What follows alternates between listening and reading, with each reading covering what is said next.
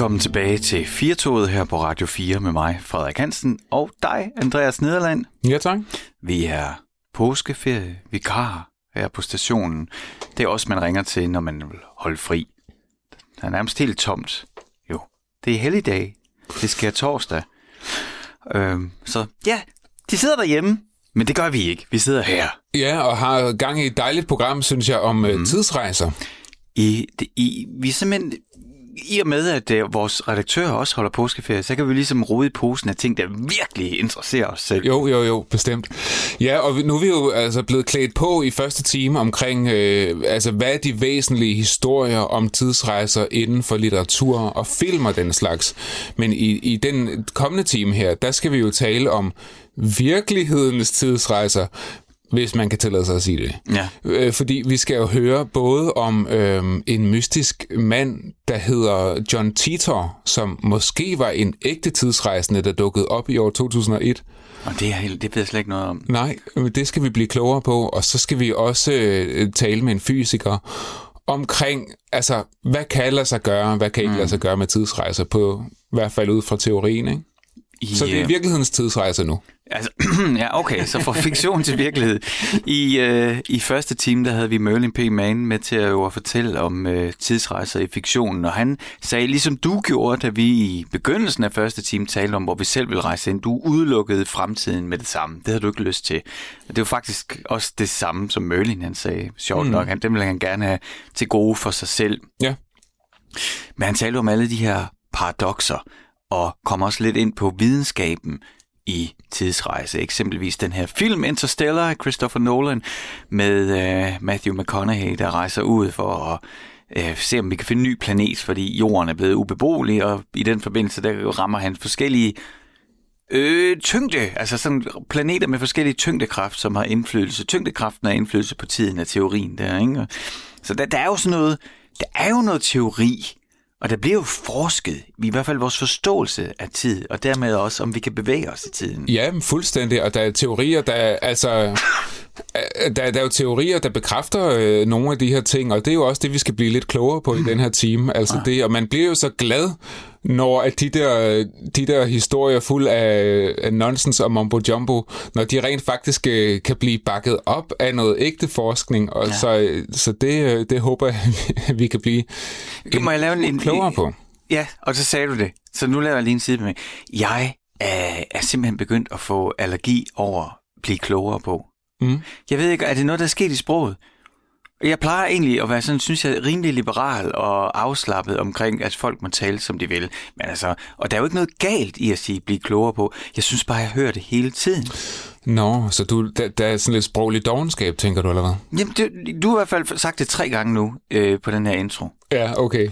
Altså, og det ved jeg jo, fordi at jeg er særlig opmærksom på det her, at jeg Ja, synes, ja. det er meget. Men, det er nok mest sådan, øh, altså i, i radioen, når jeg lytter til ting, det er blevet sådan et greb, ikke? Jo, jo, det skal vi jo, jo. blive klogere på. Ja, ja, ja. Det, det, kan, det kan vi jo så rent faktisk ikke vide, om vi gør.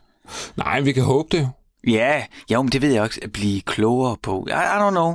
Jeg, jeg tror, at jeg er færdig med vendingen, blive klogere på. Hvad vil du sige i stedet? Det skal vi høre mere om. Det skal vi høre mere om. Ja. Ja, okay. Eller lad os lytte til det. Eller Ja. nu skal vi tale om. Men jeg tror, jeg mener det. Altså, jeg tror da, jeg håber, at jeg bliver klogere på det emne, når vi har talt med, øh, med vores gode fysikere i den her time. Altså, Ja, ja, øh, klart nok. Jeg ja. håber, der, der sidder noget fast Ja. ja. bagefter. Ja, men du får en, en opgave nu øh, resten af timen. Det er, hver gang du får lyst til at sige klogere på, så, øh, så skal du sige, det glæder jeg mig til at lære mere om, eller Ja, jamen jeg skal gøre mit bedste.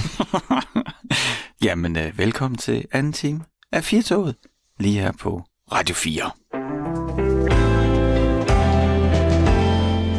Nå, det skal jo ikke handle om, hvilke vendinger jeg ikke kan, holde ud og høre på, eller lige pludselig har fået sådan en eller anden fascination af, eller hører hele tiden. Vi taler om tidsrejser i dag. Mm. Mm. Og nu, øh, vi havde jo øh, Merlin P. Mann med, som er jo en gammel ven af os, og af programmet også. Han var med i ja. første time. En anden god ven af programmet, Ja. det er Carsten Reinholdt. Jeg ved, at Anne Mette Furman, der normalt er vært, har haft ham ind som gæst flere gange, hvor han simpelthen har været gæstevært derinde. Mm. Og så ringer vi jo altid til ham, Fordi han har en podcast Ja, sammen med Anne Kejse. Ja, ja, ja. Som hedder Hvad nu, hvis det passer? Og som tager sig af konspirationsteorier. Ja. Øh, altså, og, og kigger, kigger på dem. Og, øh, ikke bare sådan noget QAnon og de der store, man hører om i nyhederne til daglig, men også sådan myter, urban legends, altså øh, lidt, lidt af hvert, ikke? Mm-hmm. Og, og så tænkte vi, at det ville jo være oplagt at øh, ringe til Karsten i dag, fordi der er findes nemlig sådan en myte om en i gåsøjne ægte tidsrejsende, der har besøgt vores tid. Ja, fordi vi, vi har jo vores egen lille redaktion. Og da vi sad og udviklede på det her tidsrejse-tema, så nævnte du et eller andet, og jeg har ikke hørt før. Hvad, hvad var det? det hvad, hvad, var, det var noget, du gerne ville have, vi skulle tale om. Hvad var det, det var? Jamen, det, det er fordi, der findes den der historie, og jeg kender den ikke øh, øh, specielt øh, godt, men jeg ved, at, at øh, i starten af nullerne, der talte man om en mand, der hed John Titor, Titor, eller Ja. hvordan det nu udtales, som var en amerikaner, der var rejst fra fremtiden tilbage til nutiden, altså der i 2001, hvor vi var. Øhm, og at han dukkede op på nogle internetforer og for, fortalte folk om fremtiden. Ah, Og det vil jeg gerne blive klogere på. Ja, ja, ja. oh, oh, Nå, der var den igen. Du, nej, jeg troede, du gjorde det med vilje. Nej, men jeg har tænkt mig at gøre det med vilje fra nu af. Ja, det blev... Nej, jeg troede ikke, at det var med vilje. Det, Nej, det, den sidder, den sidder lige... Øh, det vil du gerne vide mere om. Jeg vil gerne blive klogere på det. Men så lad os ringe til øh, Carsten Reinholdt øh, og spørge om... Øh, jamen, han ved noget mere om ham her. John Titor. Mm, ja, den tidsrejsende. Kan jo være sket det, Andreas, at John Titor lytter med og vil bremse pludselig informationerne Ja, og rejse tilbage i tiden igen, eller nogen andre har rejst tilbage i tiden ja. og at stoppe Carsten Reinholdt. For han tager ikke telefonen. Jeg kan Var det... Nej, det, det bliver afvist. prøve- Jamen, jeg prøver lige over en anden linje her, så kan vi gøre det der. Lad os lige se, hvordan gør man det. Så gør man sådan der. Så ringer vi over hans mobiltelefon. Dette er telefonsvaren Okay. tilhørende 4 0. Der stopper jeg lige. Jamen, det går så, godt. så det vil sige, at vores konspirationsteoretiker, han tager ikke telefonen. hvad, hvad gør vi så? Og Carsten, vi håber, du har det godt. Øh, Ja. Selvfølgelig vil vi øh, gerne have talt med dig her nu. Jamen, øh, jeg ved ikke, hvad vi gør. Altså, jeg kan jo godt rise op, hvad jeg ved, men jeg, jeg kender jo ikke den her historie til bunds, så jeg har allerede næsten fortalt alt, hvad jeg ved om den. Men jeg ved, at det var i begyndelsen af 2001, og jeg ved, at det var før 9-11. Aha, ja. Øhm, hvad hedder det, at der i et bestemt internetforum i tre måneder dukkede den her mand op. Okay, så det var i en kort periode. Det var en kort, intens periode, ah. hvor han dukkede op i et internetforum og sagde, Folkens, jeg er her fra fremtiden, hvad vil I vide? Mm-hmm. Øh, og så var han meget grundig til at besvare folks spørgsmål om fremtiden. Aha. Øhm, og, og, og de ting, han havde at sige om fremtiden, det var nogle lidt øh, dystre forudsigelser. Ja. Øh, og jeg ved, at øh, jeg ved, han blandt andet forudsagde en borgerkrig i USA, hvis jeg husker rigtigt. Mm. Øh, så der var sådan nogle dystre forudsigelser, som vi jo godt kan se på nu, hvor det faktisk er øh, præcis 20 år siden, at de her ting, de skete på det her internetforum. Mm. Øh, hvor vi godt kan se nu, at det skete ikke. Der var vist nok lidt, der passede en lille smule omkring noget med, var det fugleinfluenza eller et eller andet. Ah, ja, ja. Men resten af det, han sagde, passede ikke. Men der kan man jo selvfølgelig øh, spekulere i, om øh, jamen, er det fordi, at John Titor han advarede om det, at det ikke kom til at ske? Eller er det bare fordi, at det var fup og fiduser, ikke? Og det, der sker lige nu, hvis du lige tændt for radioen, det er, at øh, jamen, vi her i Firtoget i dag beskæftiger os med tidsrejse, og vi skulle have haft en øh, gæst igennem på telefonen til at fortælle om, ja, det er han, vores konspirationsteoretiker Carsten Reinholdt til at fortælle om den her karakter, John mm-hmm. Titor, som måske, måske ikke er rigtig. Ja. Øh, og eftersom med Carsten ikke tager telefonen, så laver vi research for åben mikrofon. Eller du fortæller, hvad du kan huske, men, Ja, men, men mens du taler, så er jeg at- slået op på Wikipedia. Ja. Det er delneme discount radio, når værterne må slå op på Wikipedia og, og læse op derfra. Men det er rigtigt alt det, du har sagt om John Titor, kan jeg se her. Han, øh, øh, jeg kan give dig lidt detaljer. Han sagde, at han var, en, han var fra det amerikanske militær. Ja. En tidsrejsende fra det amerikanske militær i år 2036. Mm. Så det vil sige, det er rent faktisk ikke så langt. Der er ikke mere end 15 år til, at vi kan finde ud af, om, altså, om John Titor, om vi kan møde ham, og han siger, jeg tager lige tilbage, eller hvordan sådan noget det fungerer. Ja. Øh, Du, du vil sikkert også støde på længere nede, at øhm, der er folk, der, der, der jo virkelig har været grebet af det her, Ja. og som har prøvet at finde frem til, hvem står bag, ud fra tanken, at det er fup, ikke? Ja. Øh, og der er mennesker, der mener, at de har fundet ud af, hvem det var. Ja, det står der jo også her, at, det i, at der var en undersøgelse i 2009, hvor som konkluderede, at det var, at Titor var en, øh, altså skabt af en, der står her, Florida Entertainment Lawyer. Ja. Jeg ved ikke, hvad en entertainment lawyer rent det, det var Larry Haber, som sammen med sin brother Maury, som var en computer scientist, at de ligesom lavede det her, den her karakter, John Titor. Men det kan jo også bare være noget, der er konstrueret af de tidsrejsende. Den, den taler jo helt vildt til fantasien, synes jeg, den mm. historie, fordi når vi snakker om tidsrejser, og hvis vi, hvis vi leger med tanken om, at tidsrejser bagud i tiden er mulige, jamen så går vi jo også rundt i en tid nu, hvor vi muligvis er omgivet af mennesker, der er rejst hertil fra fremtiden. Ikke? Mm. Ja, Og det er jo en spændende tanke i hvert fald. ja. Men, men når vi nu ikke rigtig sådan for alvor er stødt på nogen, der har, du ved, stået ved, udover ham her på et internetforum, Ja, ja. at, at de kommer fra fremtiden, så den, det, det, så det er jo selvfølgelig sådan noget, der taler lidt mod, at man skulle kunne rejse tilbage i tiden, ikke? Mm. altså, en af de ting, som du, som du også sagde, det var, øh, altså, han øh, sagde jo, der ville komme en borgerkrig i USA. ja. Men det skulle så været i 2004, den var der. Ja, nemlig. Ja. Vi, vi, vi er forbi mange af de der Ja, ja, ja. dystre forudsigelser, han havde, og de er jo ikke blevet til noget. Nej, okay. Men, men selvfølgelig, øh, er man John Titor believer, så vil man sige, jamen det er jo fordi, vi har, vi har ændret os ud fra hans forudsigelser og sørget for, at det ikke kommer til at ske. Mm. Men det meget- ved jeg nu ikke, hvor mange regeringschefer, der har lyttet til John Titors forudsigelser. Ja, fordi det vi så er gået glip af, det var, øh, står der her, altså, at, øh, at efter den her borgerkrig, så skulle øh, USA så være delt i fem regioner mm. med forskellige sådan militære strategiske mål. Ja, et ret andet liv. Ja. Og det hele det vil ende i 2015 med en meget hektisk, men heldigvis også kort 3. verdenskrig. Okay, mm. heldigvis kort. Men altså, det er jo altid spændende, og det er jo selvfølgelig også derfor, at uh, Anne Kaiser og Carsten Reinholdt har den podcast, der hedder Hvad nu, hvis det passer. Det er jo...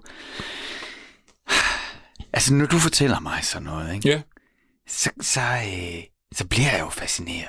Ja, man bliver fascineret, og man får lyst til at, at google det. Ja. Og, og der vil jeg advare, at der kan man lynhurtigt falde ned i et kaninhul, men Ja. det kan jo også være, at man har lyst til det. Altså. Jamen, det, det kunne jeg jo mærke lige, lige der, da vi fandt ud af, at, øh, altså, og grunden til, at vi i det, jamen, vi gør jo, vi kan jo lige så godt øh, være ærlige og sige, at vi voldpadler lige nu. Og padler, det er jo det der radiosprog, når der lige pludselig opstår et uventet hul i ens øh, plan, så må man jo fylde den. Og det er det, vi gør lige nu, fordi at vores ekspert på konspirationsteorier, som vi havde aftalt med, at skulle tale omkring tidsrejser, om, hvad, om der er, er nogle historier om nogle ægte tidsrejsende, jamen, jamen ham gik vi altså glip af, så prøver vi så selv at, at fylde hullet ud. Ja. Og jeg har været på Wikipedia, mens du talte, og du sidder nu med din computer. Jeg sidder og, og googler, mens du taler. hvad har du googlet? Og, og det er fordi, at øh, jeg stødte på et eksempel mere, da jeg researchede på de her ting. Øh, der findes nogle få, be- altså du ved, på internettet, så er der jo skøre historier om alting, ikke? Øh, og noget af det, som, som de snakker om på nogle hjemmesider, det er, jamen hov, er der, er der billedbeviser af, Ja. at der er en tidsrejsende fra fremtiden, der lige tilfældigvis er kommet med på et sort-hvidt billede fra gamle dage, eller sådan noget, ikke? Og sådan, sådan et billede er der øh, nemlig, som der har været meget snak om, kan, kan jeg finde ud af. Og det er, det er den her mand på det her gamle sort-hvide billede her, Aha. som altså står med nogle øh, moderne solbriller og en t-shirt med print Mm. tilbage i, hvad ved jeg, 40'erne eller sådan et eller Ja. andet. Ikke? Og, det, og især den der t-shirt med print er sådan noget, der har fået folk til at snakke. Mm. Så er der også en Chaplin-film, hvor der vist nok er noget ubrugt materiale, Ah. hvor der går en dame forbi baggrunden og snakker i smartphone eller mobiltelefon, ligner det. Åh, oh, ja, det har jeg set, det er Ja, ja. rigtigt, ja, det ligner det. Så sådan nogle eksempler er der altså, hvor folk taler om, Ja. Har der i virkeligheden været rejsende fra fremtiden i vores tid eller i fortiden? Øh, men En- jeg, jeg, jeg vil jo gætte på, at det kan jo nok forholdsvis hurtigt pilles fra hinanden. En af mine yndlingstidsrejsefilm, det er den der, øh, er det Terry Gilliam, der har instrueret den 12 Monkeys med ja. Bruce Willis, som jo handler om sådan en fremtid, hvor, altså i øvrigt, Øh, speaking of covid, som vi ikke heldigvis ikke har gjort i dag, i hvert fald brugt særlig meget energi på, at der kommer altså en virusangreb, der udsletter det meste af, af menneskeheden. Ikke? Og så i fremtiden sætter man så rejsende tilbage i tiden, for at se, om man kan finde ud af, hvad der er sket og stoppe det. På et tidspunkt, der bliver øh, Bruce Willis øh, ved en fejl sendt tilbage og lander i et slag, tror jeg, i Første Verdenskrig, ligesom der bliver taget et billede. Og der, der, Nå, ja. der, så der bruger de simpelthen den der ting, hvor man så ja. ser den, øh, den kvindelige protagonist, hun holder et foredrag og viser nogle billeder, sådan, hun det er altså frit efter hukommelsen, det kan være, at jeg har glemt nogle detaljer, men i hvert fald der ser man det her billede, fra sort-hvid billede fra Første Verdenskrig, mener jeg, hvor så Bruce Willis, han så spræller ned i hjørnet, ikke? Øh, og hun så senere kan se, åh, det er bevis at han er en rigtig tidsrejsende. Mm. Ja. Det kunne være, Frederik, at vi skulle tale med nogen, der rent faktisk har forstand på det her. Du tænker, at vi skal spare øh, lytterne for at, at, at lytte til vores øh, padleri og gætteri, og så tale med nogen, der rent faktisk har brugt tid på at studere Ja, det, de har, taler om. Ja, for vi har en rigtig god fysiker op i ærmet. Og jeg håber virkelig, at han kan gøre mig klogere på emnet. Jeg håber bare, at han tager telefonen. Godt. Det der med øh, tidsrejser, det er jo bare fascinerende. Mm. Og vi har lagt lidt op til det, at nu har vi, ja, vi har jo været i, i hjørnerne af alle de gode fortællinger. Nu skal vi prøve at- komme lidt tættere på noget, der er virkeligt. Ja, det har vi jo ligesom prøvet på gennem udsendelsen. Først talte vi om rene fiktion, så talte vi om noget, som var måske, måske ikke fiktion, og nu vil vi gerne tale om fakta, hvis det ellers kan lade sig gøre. Fysiker Ulrik Ugerhøj fra Aarhus Universitet, velkommen til. Ja, tak. Øhm, og altså, Ulrik, altså, det, er jo, det er jo nu, vi gerne vil finde ud af, hvad er fup, og hvad er fiduser, og hvad, hvad passer omkring det her. Øhm, Ja, Vil du ikke starte med at fortælle os, altså, den positive side af det? Hvad Og må jeg ikke lige stoppe dig, Andreas? Ja. Altså, skal vi ikke starte med det? Ulrik, jeg bliver nødt til at spørge. Kan man rejse i tiden? Jamen, det var det, jeg skulle til at sige. Nå, undskyld. Om, om vi ikke kunne starte med det positive, Ulrik. Altså, hvad kan lade sig gøre? Kan det lade sig gøre at rejse i tiden? ja, det kan det. Det var Det, det er det absolut korteste svar. Ja, det kan det. Men, men, men... øh, det, det, vi rejser jo sådan set hele tiden i tiden. Ja. Vi rejser hele tiden. Øh, vi rejser hvert sekund, der rejser vi et sekund fremad i tiden. Jo.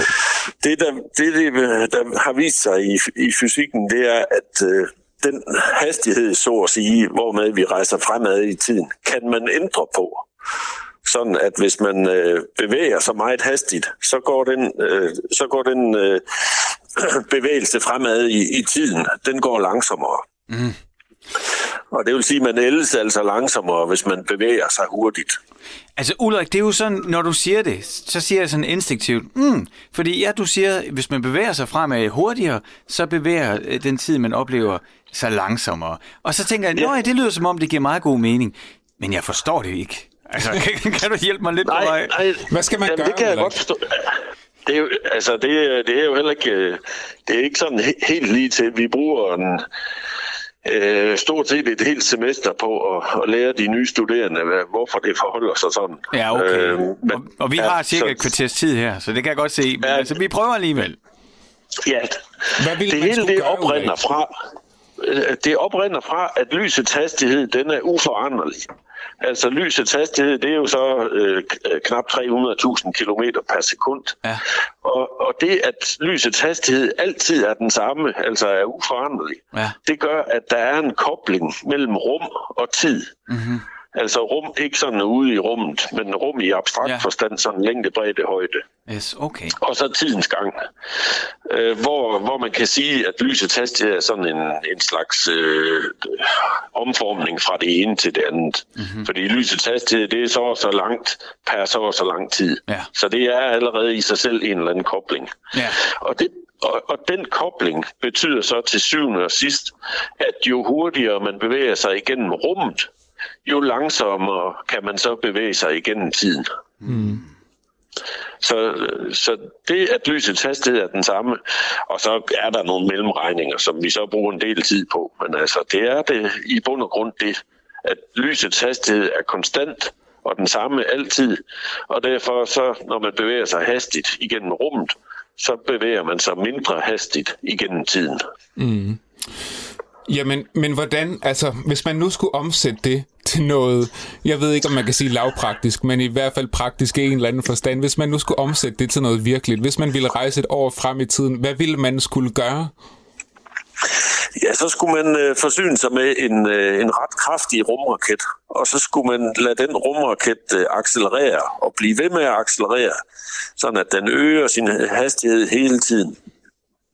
Og, og så vil, hvis den nu accelererer med det, der svarer til tyngdeaccelerationen, altså 9,8 meter per sekund hvert sekund, så, så vil man have, for det første have en behagelig tur mm-hmm. i, i raketten, og for det andet, så vil man øh, nå meget tæt på lysets hastighed ret hurtigt. Og, og, og kunne man det, ja, så vil man øh, så vil man for eksempel kunne rejse op til den anden ende af Mælkevejen og tilbage igen. En tur, der tager omkring 100.000 år ja. øh, set fra jorden. Og det vil man kunne gøre på omkring 20 år af sine egne leveår. Aha. Og så, så, har man jo så, så har man jo så brugt 20 år af sin egen leveår på at rejse 100.000 år ind i jordens fremtid. Det var langt. Og, ja, det er langt. Og, men altså, præmissen var jo, at man kunne lave en rumraket, som kunne blive ved med at accelerere. Og det, det, det er måske knap så let. Hvor realistisk er det, du taler om her? Altså rent praktisk er det fuldstændig umuligt. Nå, okay. øh, ja, øh, rent praktisk så er det et energibehov, som er øh, øh, i ordets bedste forstand astronomisk. Ja. Så, så det vil være sådan noget som galaksens samlede energi, øh, energiforbrug de næste 1 milliard år, man skulle putte ind i, i sådan en øh, raket. Okay. Det, ja, så det, øh, men, men det vi ved... Det er en brændstoftank, den skulle have der, Ulrik. Ja, det er jo det. Men hvad nu, hvis og man det... så satte ambitionerne ned, og man bare sagde, så langt frem i tiden behøver jeg ikke at rejse, det kan bare være en lille tur? Ja, altså hvis man bare skal nogle, nogle få sekunder, eller måske nogle mikrosekunder frem, så, så kan det faktisk allerede lade sig gøre. Øh, for eksempel Andreas Mogensen, da han var en tur på den internationale rumstation. Så hvis han nu havde haft et meget præcist ur med, det ved jeg ikke, om han havde det, øh, men måske ikke så præcist et ur. Havde han haft et atomur med, og man havde haft et atomur stående på jorden, så ville man øh, med lethed øh, have kunnet måle den forskel, der var. Altså, at, at Andreas Mogensen, han ville være på den måde rejst en lille bitte smule ind i fremtiden. Mm. Altså Ulrik, du, du, du starter jo selvfølgelig også med at fortælle os, altså prøv at det her, det bruger jeg mindst et semester på at forklare mine studerende. Så, så jeg er jo godt klar over, selvom vi har læst mange romaner og set mange øh, tidsrejsefilm, så, så, så, så, så, ja, så bliver, det ikke nok, så bliver det nok ikke lige de her 15 minutter i selskab med dig, der, der oplyser mig helt. Men hvordan er det lige det med, er der en enkel måde at forklare det med tyngdekraftens indflydelse på tiden? Ja, ja det, det er der. Øh, i virkeligheden, så kommer den af, af det samme. Øh, hvis vi nu øh, tager som udgangspunkt, at jo hurtigere man bevæger sig, øh, jo langsommere går tiden. Ja. Det, øh, det var jo allerede et, lidt et spring, men, men lad os nu sige, at vi har forlidt os med det. Ja. Så, så viser det sig, at at tyngdekraften, den, er, den kan man ikke skælne fra acceleration. Det er jo, det er jo i, i princippet det, vi bruger, når vi øh, centrifugerer tøjet. Mm-hmm. Så øh, vådt tøj i vaskemaskinen, det centrifugerer vi, fordi så den acceleration, som tøjet bliver udsat for, påvirker det med, hvad man kunne kalde et kunstigt tyngdefelt, sådan at vandet det bliver drevet ud af tøjet ret hurtigt. Og, og det er det samme, vi bruger, når man sidder med en halvtom ketchupflaske og skal have det sidste ud. Så kan man, i stedet for at vente på, at tyngdekraften trækker det sidste af ketchupen ud, så kan man ryste flasken. Mm. Og så det, det her rysten, det er jo en acceleration, som så bevirker, at ketchupen kommer ud af flasken ret hurtigt. Mm. Så der er altså en, en tæt kobling mellem acceleration og tyngdekraft. Ja, okay. okay. Men acceleration, det er jo, at man øger sin hastighed hele tiden. Så og eftersom en højere hastighed, den gør, at, at tiden går langsommere, så bevirker en acceleration altså, at tiden går langsommere og langsommere og langsommere. Mm. Og derfor går tiden langsommere i et, i et kraftigt tyngdefelt end, end længere ude i samme tyngdefelt. Men Ulrik, altså nu, du, du nævnte, at, at det er det er nærmest umuligt, det der med at rejse langt frem i tiden, men det er muligt at rejse en, en lille brøkdel af et sekund frem i tiden. Hvad nu, hvis man ville rejse, skal vi sige, et år frem i tiden? Er, er, er, er vi ja. også på den urealistiske klinge? Ja, måske knap så urealistisk. Altså, der, der skal nogle, øh, nogle store teknologiske landvindinger til, men, men vi er ikke ude, hvor det er, er fuldstændig udelukket med hensyn til energibehov og sådan noget. Øh, måske for en, en øh, 90 kilos person som mig selv, men altså for, for mindre ting, øh, noget der vejer øh, et par hundrede gram, der, der er det ikke uladsiggørligt. Og hvordan vil sådan en tidsmaskine se ud? Ville det være en rumraket? Ja, det ville det. Det ville det. Måske en, øh, et rumskib med solsejl eller noget, noget tilsvarende. Øh, Øh, så, men altså, det er stadigvæk fremtidsvisioner. Mm. Men, men, men bare lige for at gøre det tegneserieagtigt, så jeg er med her, Ulrik. Så, så lad os nu sige, at jeg har sådan en lille hamster, og det sender vi på den her nyudviklede rumraket, der kan accelerere ja. øh, med, hvad sagde du, 9,1 eller andet øh, meter i sekundet. Ja. Var det sådan, det var, ikke? Den, mm-hmm. øh, den sender vi afsted, og, øh, og så lander den øh, her samme sted om et år. Men, ja. men for hamsteret, den er så blevet, øh, hvad, et par minutter ældre. Er det det, vi taler om? Ja, ja det, det er måske ikke lige et par minutter, men så måske kun et halvt år ældre. Ja, okay, så det er den forskel. Ja, ja det er det, vi er ude i der. Ja, så, det, vil, det vil man nok... Øh, om, ja, det er jo svært at stå om teknologiske landvindinger, men altså, ja. det er ikke helt ude i ham. Nej. Men vil der så også, altså bare for det her tankeeksperiment skyld, hvis jeg forestiller mig, at, øh, at, øh, at vi lige glemmer, at øh, vi ikke har energikilden til det her, så, så mm. vi mhm. får bygget, jeg er ikke over på 90 kilo endnu, jeg er på vej. Nej, øh, ja, men det, det er fint. så hvis vi bygger en, der passer til mig, og jeg så ja. øh, på et tidspunkt, så begynder jeg så at nærme mig øh, lysets hastighed. Mm. På et ja. tidspunkt, ikke? altså hvis man så kombinerer det med, at jeg samtidig har øh, en, en, en, en kikkert, så jeg kan kigge ned, altså følge med på, hvad der foregår på jorden, mens jeg banker afsted ud i Mælkevejen. Ja. Altså vil ja. jeg på et tidspunkt at se mig selv jeg kunne se billederne af mig selv forlade planeten. Altså vil jeg indhente øh, lyset fra mig selv fra det tidspunkt, at jeg forlod planeten? Nej, nej, det ville du ikke. Nej, øh, nej, så du vil ikke, nej, du vil ikke kunne se dig selv. Nej, okay. Men, men øh, mens du rejser ud, så vil du se, at alting øh, på jorden går langsommere og langsommere. Ja. Og så når du vender rundt igen, så, så indhentes alt det tabte så at mm, sige, ja. på jorden. Og, og mere end det, fordi hvis du nu rejser i to år, og der i det tidsrum går 10 år på jorden, ja. så på vejen ud, så går tiden langsomt for dig at se ned mm. på jordkloden. Men på vejen hjem, så går det ufatteligt hurtigt. Så sker alting sådan lige bum, bum, bum, bum, bum. Ja. Øh, så de sidste otte år, eller det afhænger selvfølgelig af eksemplet, de forløber i løbet af dit sidste et år. Ja, okay. Ja, så, og det er, det er tæt forbundet med det, vi kalder Doppler-effekt. Øh, Doppler-effekten, det er det her, at, at ambulancens øh, sirene, den lyder med en, en højere tone, når den nærmer sig, og en dybere tone, når den fjerner sig. Ah. Ulrik, vi er nødt til lige at springe videre, fordi vi skal jo også tale om det der med at rejse tilbage i tiden. Fordi det, ja, det der det mange af filmene og bøgerne, der handler om, det er jo det der med, at de rejser tilbage øh, og oplever noget i fortiden. Hvor ja. realistisk er det så? Ja, det er så nok en helt anden sag. Ah. Det, altså, der er teorier på markedet for, øh, hvordan man i givet fald skulle, skulle lave en tidsmaskine, der kunne gå tilbage i tiden. Men altså, de, de betjener sig alle sammen af, af sådan meget eksotiske fysikfænomener. Øh, store koncentrationer af negativ energi og, og lignende ting, som vi ikke sådan... Øh, altså, som ikke er noget, man, man normalt ser i, i, i større mængder. Mm. Altså, øh, så det er, det er på grænsen til spekulation. Ja. Men altså, og så ved jeg også, at, at, at du afskriver den lidt af en anden grund også, Ulrik. Ja, ja, altså det er jo... Der var jo den her berømte britiske fysiker Stephen Hawking, som, som for en, en del år siden holdt en fest for for rejsende fra fremtiden. Så han, han holdt festen og havde champagne og kanapé og jeg ved ikke hvad. Og så sendte han indbydelserne ud dagen efter.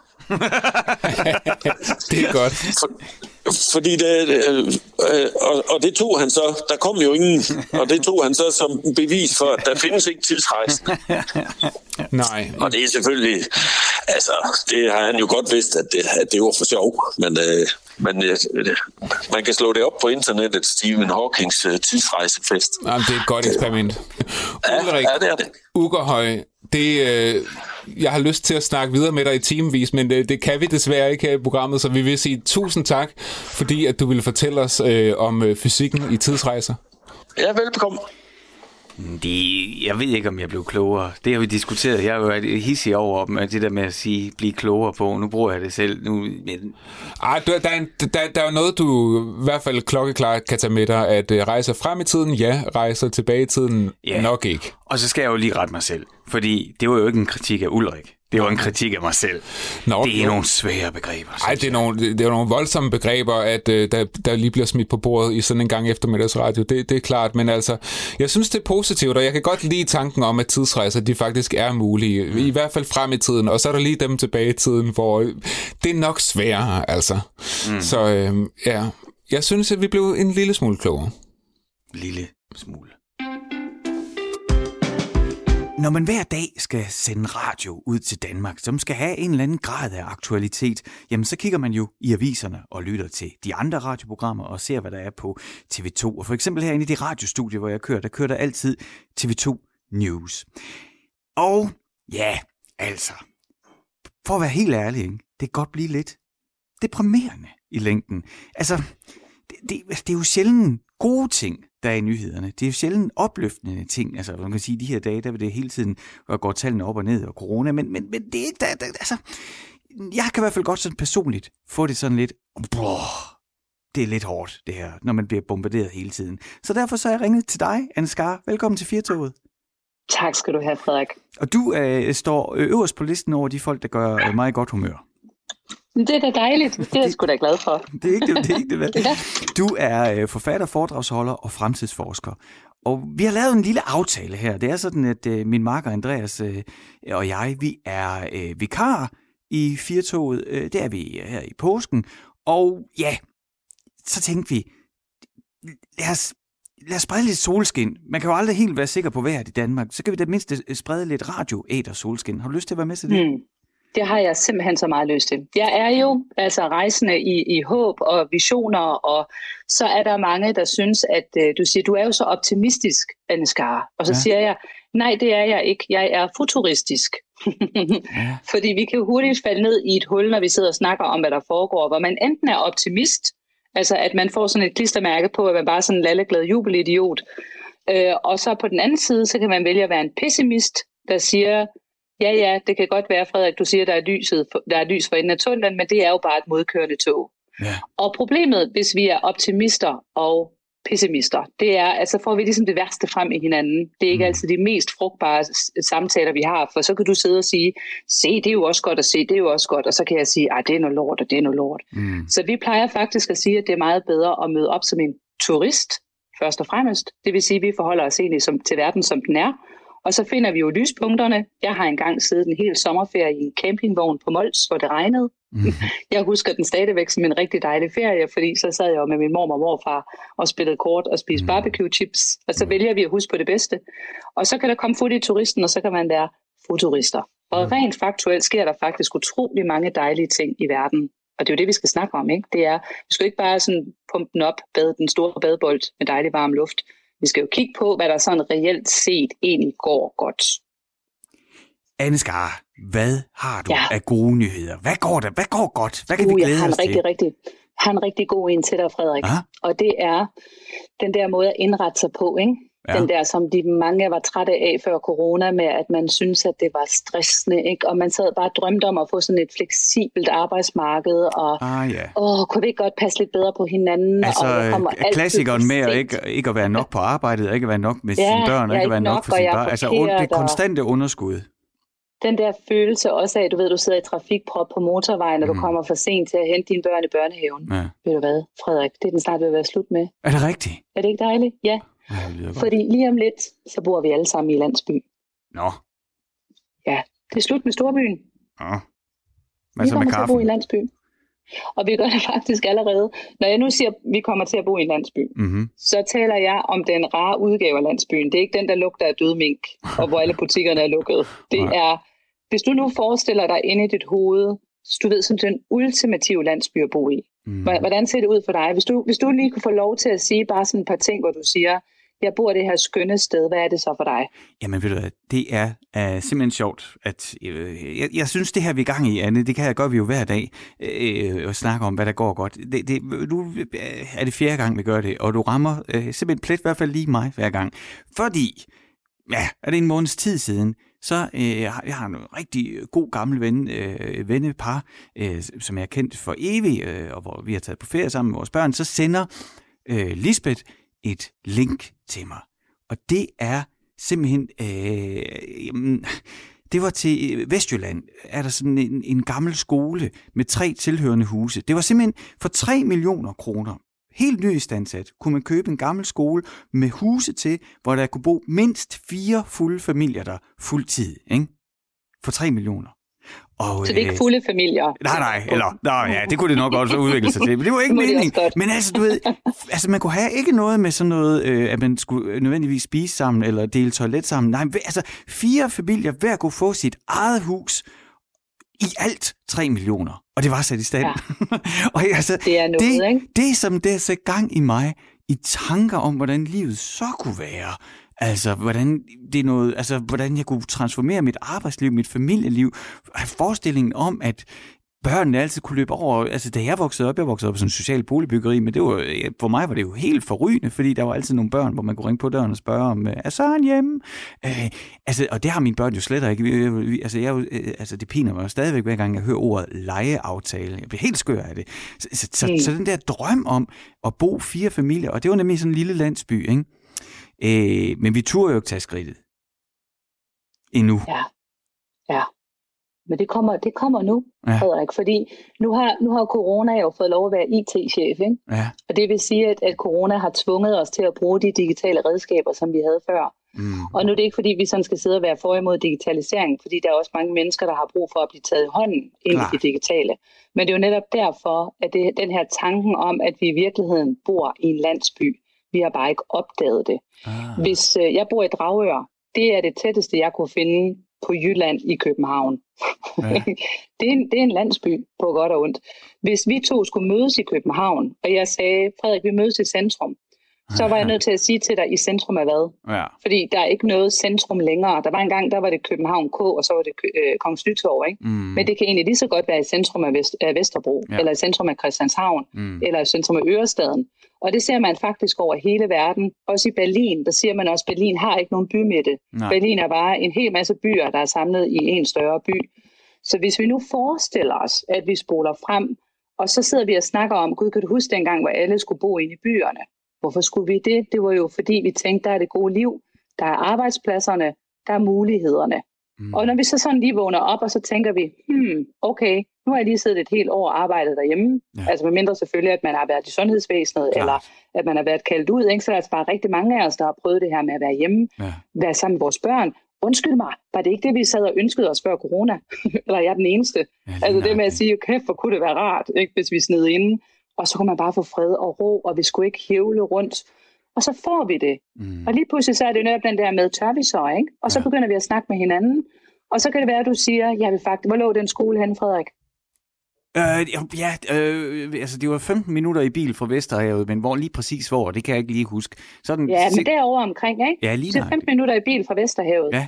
Og så flytter du derover med x antal i din omgangskreds, ja. og så hiver I faktisk nogle flere med, fordi nu tør de jo også godt. Ja. Altså mennesker flytter jo i flok. Ja, ja. Lige pludselig er I 100 familier tilflytter i det her område, som nu bosætter jer og begynder at, du ved, at lave ny beboerdemokrati. Og det er jo også det, som man skal huske på, hvis man sidder ude i den, i den der rigtige landsby, ikke? Ja. som måske har begyndt at være lidt affolket, ja. det er, at når der kommer nogle nye, så skal man jo tage imod dem. Mm-hmm. Ikke? Så skal man, øh, som man har gjort nogle steder, det her med, at så bliver man inviteret hjem til kaffe, og du får at vide, hvad er det der for en sten, der ligger der, og den her, der var engang købmandsbutik, men den er lukket ned. Så man laver en inklusion i lokalsamfundet, hvor man mhm. bruger de nye kræfter til at snakke om, hvad kunne vi egentlig godt tænke os, der sker her? Fordi vi drømmer alle sammen om det der gadekæret, hvor der sidder nogle gamle mennesker, der holder øje med børnene, og hvor vi har kolonihaver, og så kommer der nogen fra et andet land, og de har også en kolonihave, og så snakker vi med dem. Og det med, at jo sådan bliver lidt langsommere, og det bliver lidt roligere, og man kan tage et digitalt møde, og så er man færdig på to timer. Mm. Du behøver ikke at sidde ind på et kontor i otte timer, altså mandag til fredag hele tiden. Du kan alle sammen komme til at bo i en landsby. Det er virkelig, øh, det, det, er, det synes jeg lyder utrolig dejligt. Altså, det, det, det, det kan jeg mærke, det kommer jeg tættere og tættere på, at jeg tænker, det gad jeg faktisk godt. Ja, øhm, ikke? Jo, fordi der er også to ting, som er gået op for mig i forhold til coronaen, eller det er ikke, fordi det sådan lige er gået op for mig, det har ligget og ulmet længe, ikke? men altså de der obligatoriske timer, både i skolen og på arbejdspladsen, ikke? der er simpelthen så meget spilletid. Altså, der, altså der, er, der, er jo, der er jo ting, som, som, hvor man er officielt på arbejde. Ja, altså, igen, det er jo også, det gælder jo selvfølgelig ikke for alle arbejdspladser, det er fuldstændig klar over. Men, men især den branche, jeg er, der er altså ting, øh, hvor folk går på arbejde syv og en halv time, som kunne ordnes på to timer effektivt, hvis man altså lige strammet ballerne. Ja. Ikke? Øh, og det er jo og... fordi, vi begynder mere og mere at tænke på værdiskabelse. Ikke? Altså ja. vi tænker på den her tid, så, så i gamle dage fik vi jo penge for den tid, vi leverede til vores arbejdsgiver. Ja.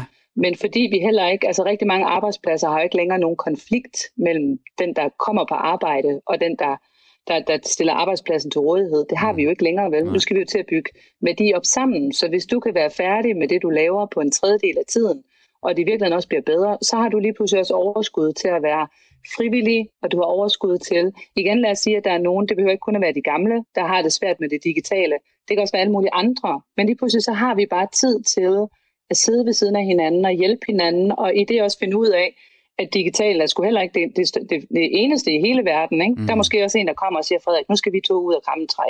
Ikke? Ja. Eller nu skal, vi, nu skal vi have fingrene ned i surdejen. Eller nu skal vi uh, lege, at vi er på polarforskningstur med 4. klasse, ikke? Hvor, vi, hvor vi leger, når vi går rundt derude, at vi er ude og opdage. Så vi får det her mere spontane liv. Altså det er virkelig en super godt eksempel, når du siger, at legeaftale giver mig kuldegys. Ja. For vi har jo som danskere, det er også noget, som dem, der kommer udefra, synes er så sket. Ikke? Det, er, det er simpelthen så svært at, at få lov til at møde en dansker sådan spontant, fordi vi sidder og kigger i kalenderen, så siger vi, ja, yeah, øh, fredag eftermiddag ja, fra klokken 4 til klokken 5 i 2023, der tror jeg godt, vi kan drikke en kop kaffe. Ja, det så det er mere spontane, afslappede liv, hvor vi, hvor vi kan det hele hele vejen rundt. Ja. Det, det, er, det er muligt for langt de fleste af os lige nu. Min mor, hun fortalte mig altid, at øh, da hun var barn, øh, så øh, på, altså min mormor, var af en søskenflok på sådan noget 15, 16, 17. Der er sådan et familiebillede, hvor de alle står og sammen står på ræde, ikke? og så, du ved, så bliver det, ja, så var der den, han døde jo der, det, så der var også lige to-tre, der røg i sving dengang. Ikke? Anyway, e- en af de, altså de var meget sammen i den familie, og en af onklerne, han kom altså ofte på en søndag, uanmeldt tidligt, og bankede på, og hvis alle lå i sengen og ignorerede det, så åbnede han brevsprækken, og så råbte han ind, så kan I godt stå op derinde. det er svært at forestille sig i dag.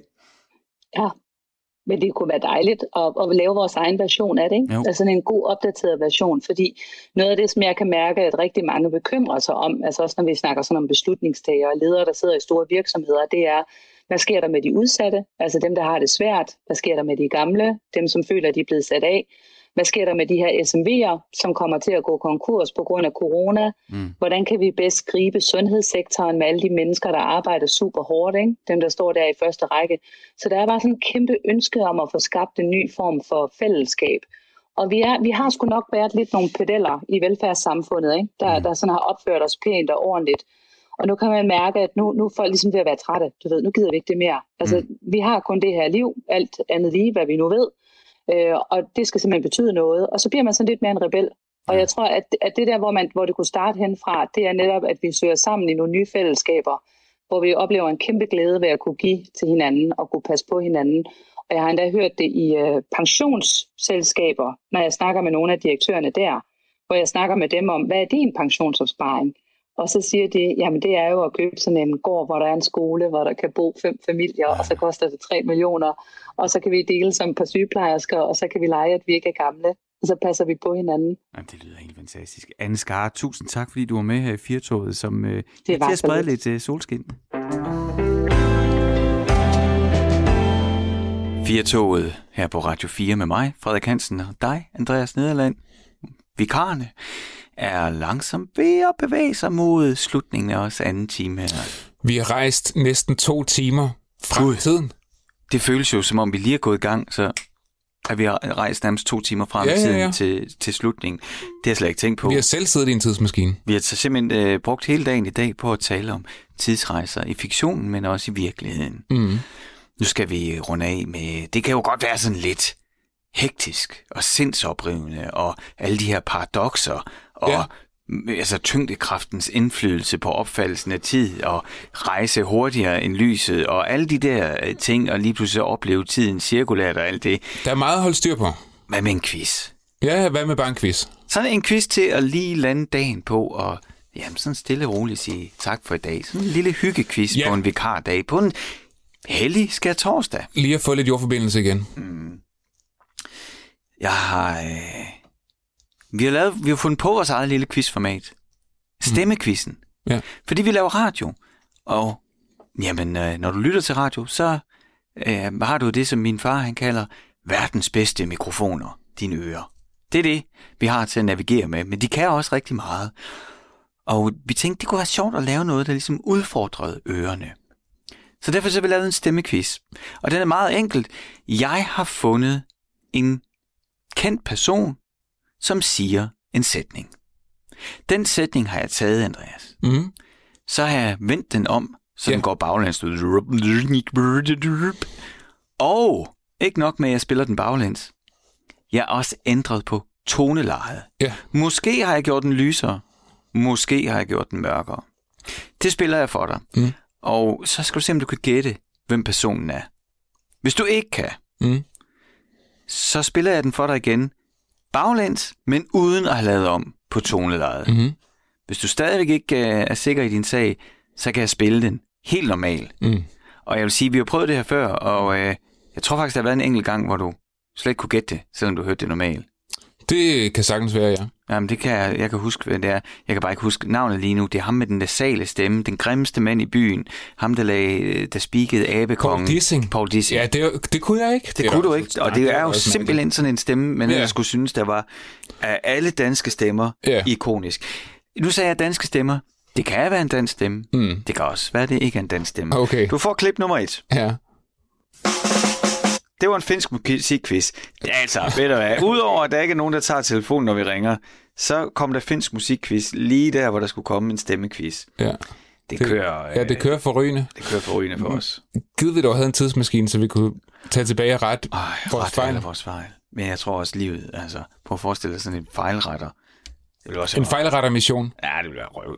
Så kan du bruge første halvdel af dit liv på at leve dit liv, og så Ah. anden halvdel af dit liv, det skulle du bruge på at rejse tilbage og være over og rette fejl Det- på første gennemløb. Det lyder så kedeligt. Ved du, der ikke er kedeligt? Første klip af stemmekvisten. Det er firmas lekor.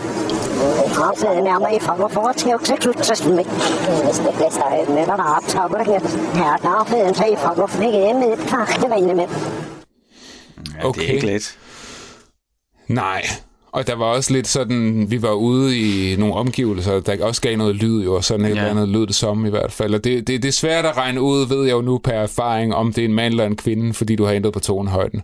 Jeg, jeg, jeg, jeg synes, jeg kunne høre noget dansk, mm-hmm. og jeg synes også, at jeg kunne høre noget sådan, måske noget, der var måske en, med en lille smule fin på den. Lidt fint på den, ja. Jeg lagde også sådan mærke til, at det kom, der kom sådan lidt i stød, synes jeg. Det er sådan en Okay. sådan bursts, vil jeg sige, Ja. i mangel af dansk. Sådan en salver. Sådan, Ja. Uden at det var sådan aggressivt. Lad os prøve at høre. Jo. Nu kommer klippet igen baglæns, men uden at jeg har lavet om på tonelejet. Okay. Vida, firmas liekua. Aapeen närmare ifrån för att tillse tutsasten med. Med den optagningen her, der aapeen sig ifrån for ikke hjemme i et kvart vejne med. Nå. Bliver du klogere? Du vil så gerne blive klogere. Jeg blev klogere. Ja? Det er en mand. Ja. Du sagde før, at han var dansk. Holder du fast i det?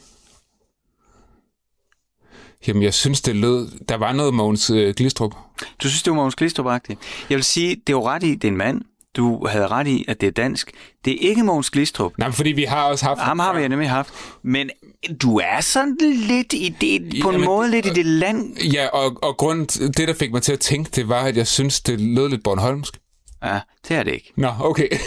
Det er en, men det er, altså, jeg vil sige, det er, vi er i dansk politik. Og det er en ikonisk stemme. Åh, oh, okay. Jeg, jeg har ikke et bud. Vil du... Øh... Ej, men altså, hvis jeg spiller for det, så går jeg ud fra, at du kan gætte det, ellers så bliver det pinligt. Åh, oh, lad os se, om det bliver pinligt. Men jeg vil kraftedeme ikke fotograferes nedefra af dig, så den kan du godt spare dig, den der. ret tilfældt til mig. Jamen, så, du skal sgu ikke stå og fotografere mig nedefra. Okay, så er vi færdige.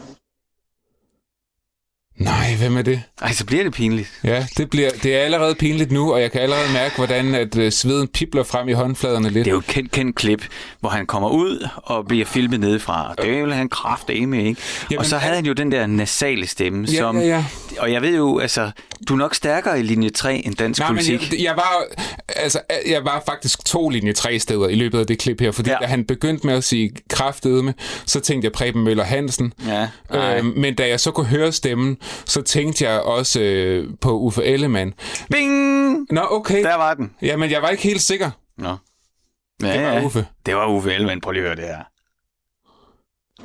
Nej, men jeg vil kraftedeme ikke fotograferes nedefra af dig, så den kan du godt spare dig, den er der. ret tilfældt til.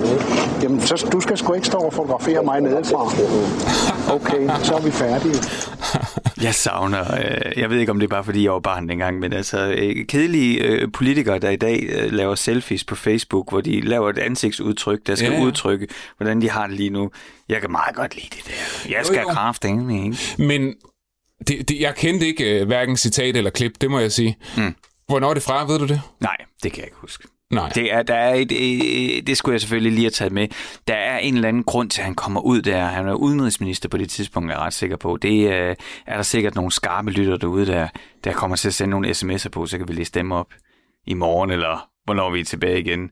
Nu er der i hvert fald tid til satire her på Radio 4. lytter til Specialklassen.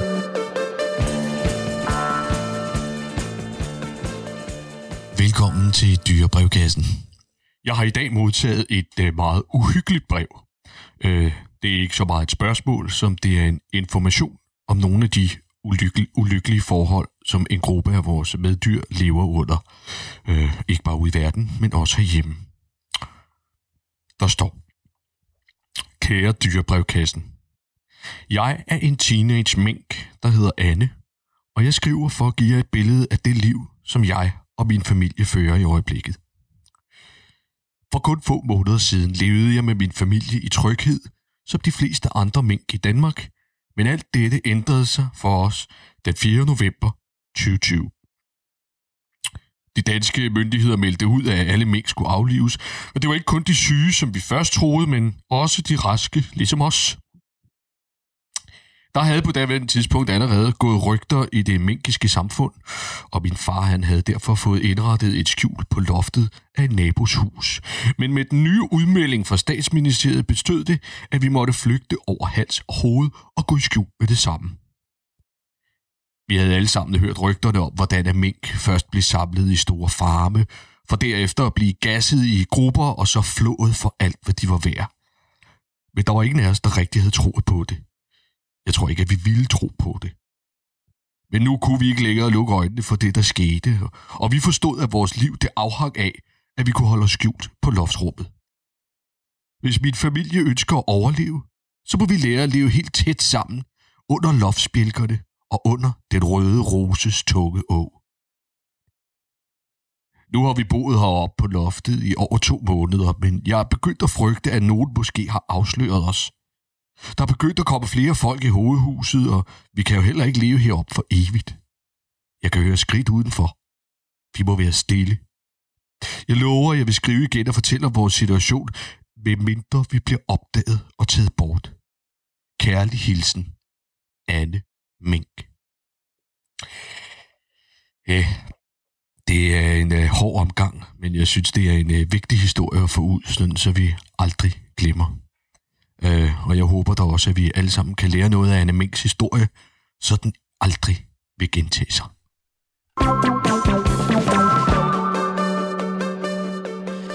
Det var specialklassen, og det var også det for i dag for Firtoget med mig, Frederik Hansen, og min vikar med vært Andreas Nederland. Ja, det er jo ikke kun Andreas, der er vikar.